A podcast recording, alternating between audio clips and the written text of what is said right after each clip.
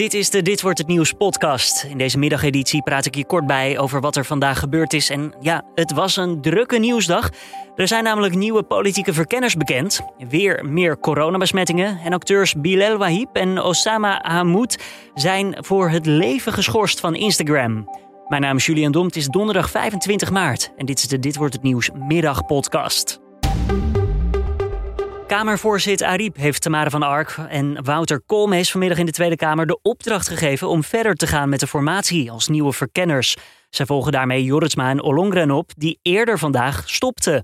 De verkenners moeten gewoon weer uh, kijken waar de vorige verkenners zijn gebleven. En die moeten ook gesprekken gaan voeren, denk ik. De notities die Ollongren had gemaakt tijdens de verkenning waren vanmorgen zichtbaar voor de camera's. Daarna besloten ze zich samen met Joritsma terug te trekken als verkenner. Er zijn weer meer coronabesmettingen. In de afgelopen dag zijn er in totaal 7740 nieuwe gevallen gemeld. En dat is het hoogste aantal sinds 8 januari, meldt het RIVM. Ook minister en dus voormalig verkenner Kaja Ollongren heeft het coronavirus opgelopen. En daarom zal de ministerraad de komende tijd digitaal vergaderen. Acteurs Bilal Wahib en Osama Ahmoud zijn voor het leven niet meer welkom op Instagram. Gisteren was hun account al verwijderd. De twee kwamen in opspraak na een livestream waarin een minderjarige jongen gevraagd werd om zijn geslachtsdeel te laten zien. In ruil voor 17.000 euro. De jongen deed dat vervolgens ook. De 22-jarige Wahib werd gisteren aangehouden door de zedenpolitie. Hij doet vanavond bij Boos een verhaal. Ahmoud wordt voor zover bekend alleen gezien als getuige in de zaak. De vallende vliegtuigonderdelen in een woonwijk in het Limburgse Meersen zijn niet het gevolg van grove nalatigheid. Dat zegt de luchtvaartpolitie na onderzoek. De wijkbewoners kregen in februari de schrik van hun leven toen er vliegtuigonderdelen uit de lucht kwamen vallen.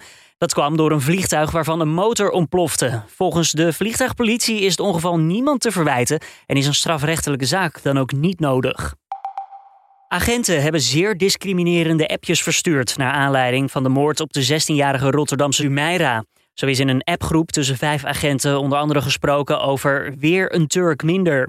De politie heeft gereageerd en het was een cynische reactie op de bekentenis van de dader, waarin hij heeft gezegd dat hij spijt heeft. De familie eist dat de agenten worden ontslagen. Dat laat de familie weten via hun advocaat. Goed nieuws voor aspergeliefhebbers. Morgen begint namelijk het Noord-Hollandse aspergeseizoen. En ja, die wordt traditioneel geopend met de verloting van het eerste kistje. De opbrengst gaat naar het goede doel. Dit jaar hebben we gekozen voor Kika en voor uh, Albu 6. Helaas uh, is onze vader uh, vorig jaar overleden aan kanker. En velen met ons natuurlijk. In, heel, iedereen heeft er bijna mee te maken in zijn omgeving. Dus. Dat vertelde aspergeteler Kai Broerse tegen NH Nieuws. Vorig jaar waren de asperges er vroeg bij, want het was vroeg warm in het seizoen. Dit jaar begint het allemaal ietsjes later. En dan nog eventjes het weer van Weerplaza. Grijs en soms een bui, maar de meeste tijd is het droog. Het is 13 graden voor deze, deze middag en morgen begint het met zon, maar daarna een grijze middag met een bui aan het einde van de dag. Het wordt wel een paar graden warmer dan vandaag.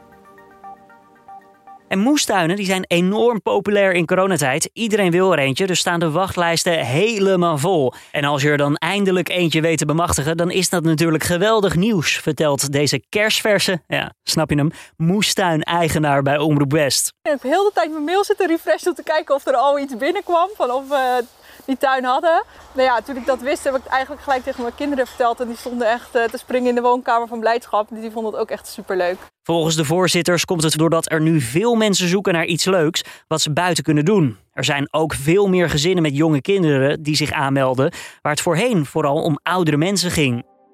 En dit was dan de Dit wordt het nieuws podcast van deze donderdagmiddag 25 maart. Tips of feedback laat het ons weten via podcast@nu.nl. Morgen bespreken we in de maand van nu de verkiezingen. Heb jij nou een vraag over hoe we dat als redactie hebben aangepakt? Of over de formatieperikelen die vandaag uh, ja, gaande zijn? Laat het ook even weten via podcast.nu.nl. Ik wens je voor nu een hele fijne donderdag en tot morgen weer.